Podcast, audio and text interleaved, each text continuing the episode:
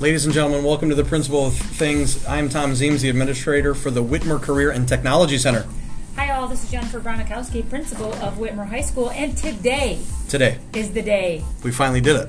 And we welcome a very, very special guest. We just can't determine if we should say right now who our guest is or if we should let this person speak and answer some questions and then. Oh, let's do that. Let's circle back to it. So, ladies and gentlemen, welcome to the Principal of Things.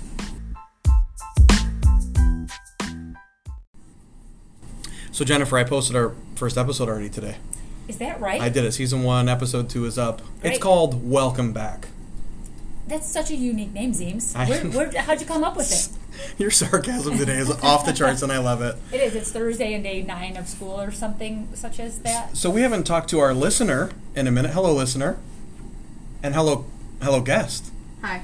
How are you today? Good. How are you? Good. I think you may have been the first staff member that like listened to our podcast. And provided us feedback. Oh, I'm a hardcore podcaster. Ooh, a hardcore podcaster. She says that's fantastic. It's a great description of yourself, too. Thank you. Thank you. Um, what got you into podcasts? Um, I am somebody who likes to have the background noise going, and I always like to feel like I'm learning something new. So right now, I'm knee deep in a podcast series about Brigham Young, the second prophet of the Mormon Church, and I feel like I've just opened a whole new can of worms, and I need to learn everything I can about it. So When you were telling me you're thinking about doing some research, so you just started your grad program, yes, right? yes. Tell us more about that. Um, so it's a master's program in educational theory and social foundations at the University of Toledo. And one of my professors in my history of education class has kind of given us the initiative to study something in history. And with this recent podcast that I started listening to, um, we were, I was given the directive that Mormons are some of the most educated people in America. Like 57% of Mormon men hold a secondary degree or higher, which is higher than the national average for men in America. And I was kind of like, wait, this was a historically oppressed group, and they have managed to come out and become one of the most educated groups in America. And I found that to be really interesting, and my professor's on board. He found me a ton of research about all of this, so that's my course of action this semester.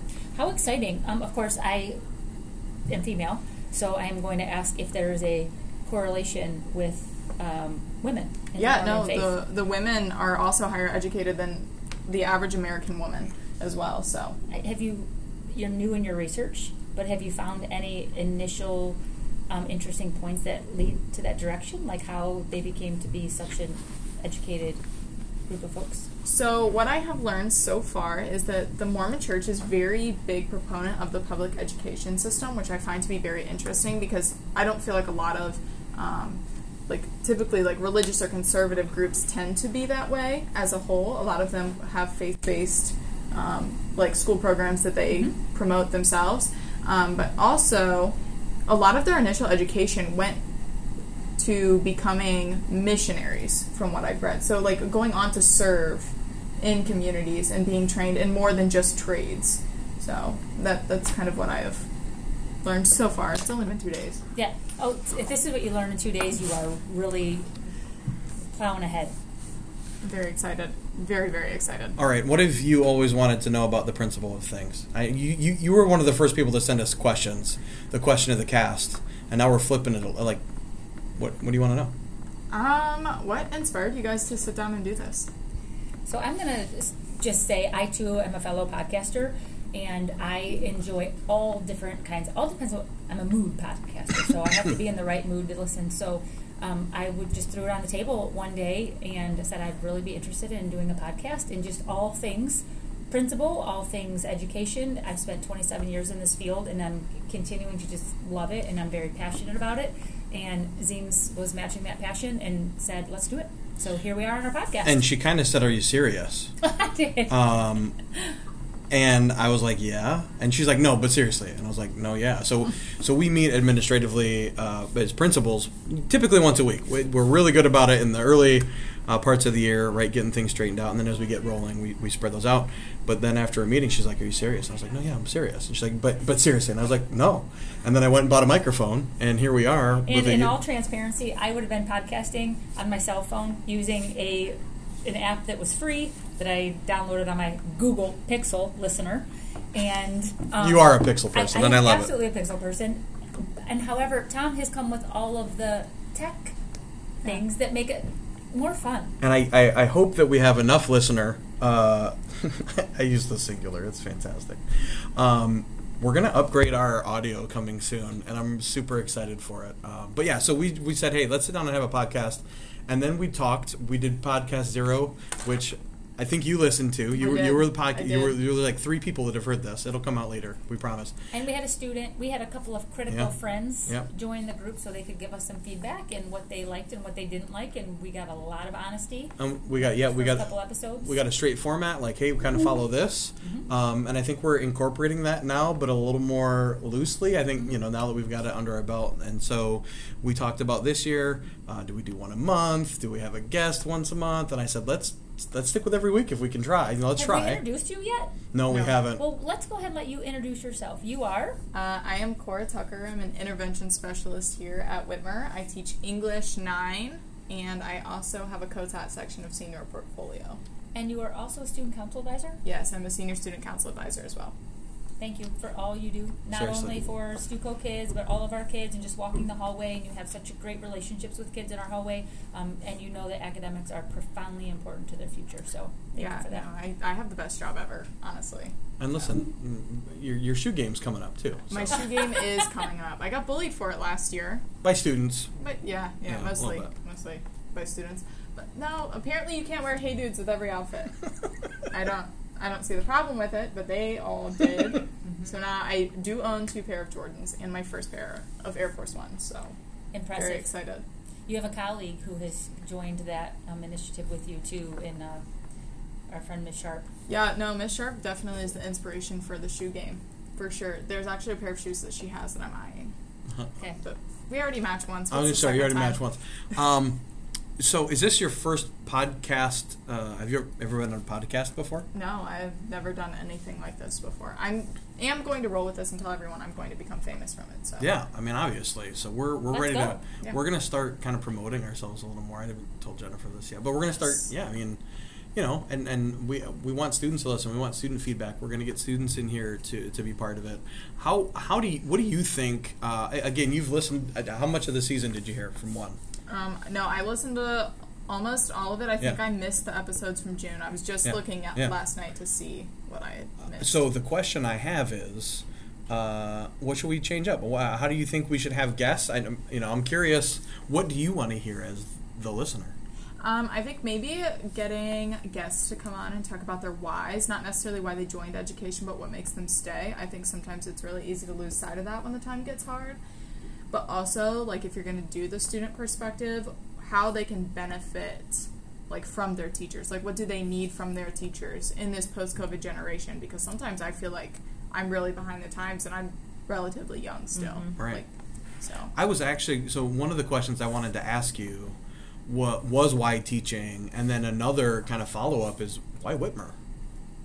Okay, so why teaching? Um, my journey into education is quite interesting. I initially wanted to be a JAG lawyer. I could Fun see fact. that. Did you watch I the could show? See that. Did you watch? yeah, I was oh. a big. I watched all of the crime shows relating to the military, but I come from a very military-oriented family. Almost all of my cousins are in the military, or married to somebody in the military, or the parents are in the military. It's just kind of what we did, and I really wanted to be an advocate for women in the military. And I was at the recruiter's office, and I was like ready to sign my life away, and this guy comes out with this big poster, and it has all of the higher ups in the military, and he goes, "Look." even women can do it. And not to say that all military individuals are Mm-hmm. in that sort of mindset, but that was my red flag. I was running after that. So I did not end up joining the military, but I was in something similar to what we have here called Link Crew. Um, but at my school it was called Gear Up, and it was a grant that was funded for our district to help increase graduation rates. And so I was a junior and a senior mentor, and I, I loved working with kids. So that was kind of where I was gauging. And then I went to school to become a high school English teacher, which is what I do now, but not really what I do now. Right. Um, and I ended up changing my major because I had a placement at a school in Wood County for um, students that had been removed from their home district due to behavioral issues. And I was in a class full of five kids. And one of the girls talked about how um, it was all of her staff members that helped her have a safe day, which for some students is that's their definition of success. It's not passing their classes. It's not you know eating lunch with their friends. It's having a safe day. And it was in that moment in that small group setting that I decided I was going to change my major to special education because I love having my small groups. I love my inclusion too, don't get me wrong, but my resource classes of 8 or 9 kids, I get to build such a big relationship with my kids and like be there in a real one-on-one kind of fashion that I don't get to do in the general education classroom. Um, so yeah, that is why I got into education, and I stay for the little victories.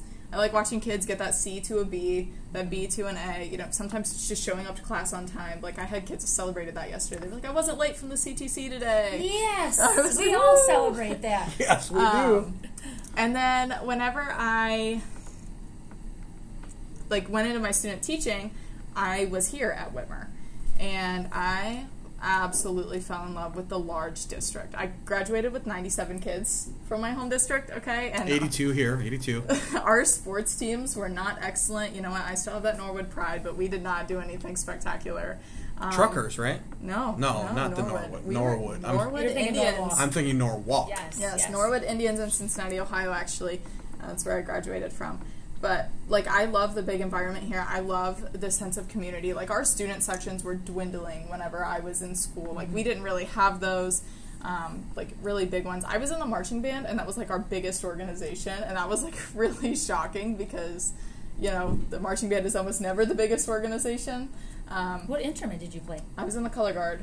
So Oh, I did the great. flags. That's Yes, dope. yes, that's Uh, and we were a competitive marching band, so it was a Oh, little yeah. bit different than a lot of schools. is. No, right. Yeah, it's a whole different thing. Yeah, it's band's way different in Cincinnati than it is up here, but So I would like to share something with you, and that's before I came to Whitmer. Right when I was coming to Whitmer High School, um, I saw you on paper first. So I had heard about um, student teaching. I'd heard about these things and uh, resume, and and I was really impressed then. Like, what this is really exciting. I can't wait to work with her. And then I met you, and I was like, oh my gosh, she far supersedes what she looks like on paper. well, thank you. So again, and I know I said it once earlier in the podcast, but I just have such great respect for, for what you do here with us. And I'm grateful that you're Thank here. you.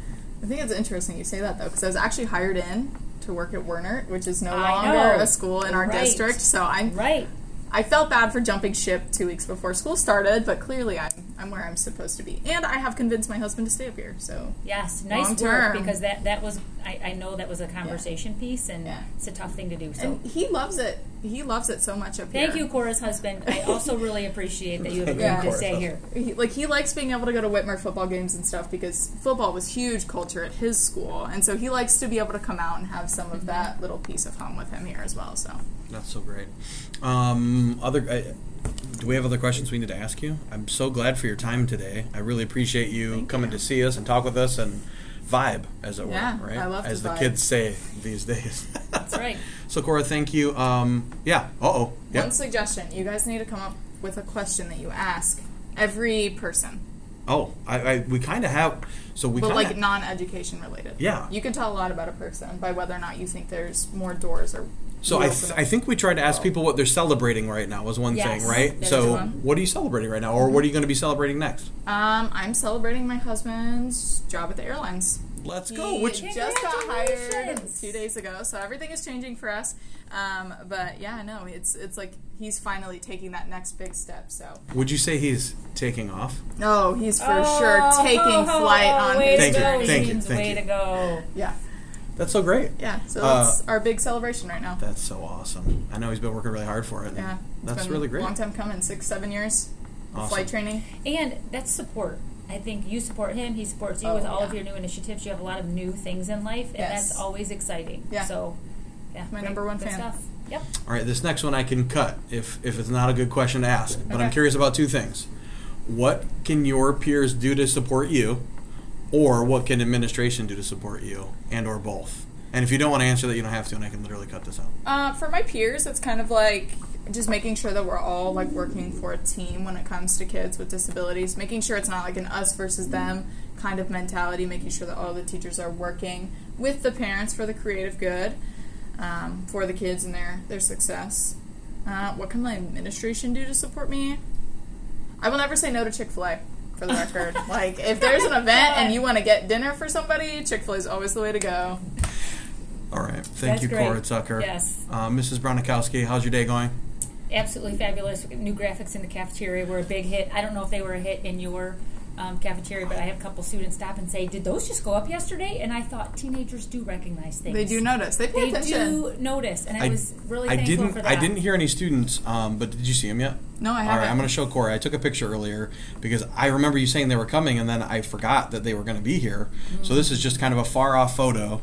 Oh Um, wow! But you've got the panther head there. Our crest I went love up. that. So our cafeteria kind of has a whole new vibe this year. It We haven't even talked about this yet. Yeah. Our Next tables time. turned, uh, so we'll give you some more about that. But some beautiful graphics have gone up, um, courtesy of Juke Mode here Oh, I love um, Juke in Toledo. we work with Um, Juke Mode a lot for student council stuff. They're the best. They're super good. So. And our next episode, we'll talk about a shareable, and it will we'll talk about nutrition services and our cafeteria. Oh, I love stuff. it. Did you write it down yet? I did. Mm-hmm. Okay, good. Uh, listener, thank you for being here. Corey Tucker, thank you for being our first guest. Oh, this is what an honor. Um, it's been an honor. Um, you know what we're going to do next, Cora? What? We're gonna make it a great day.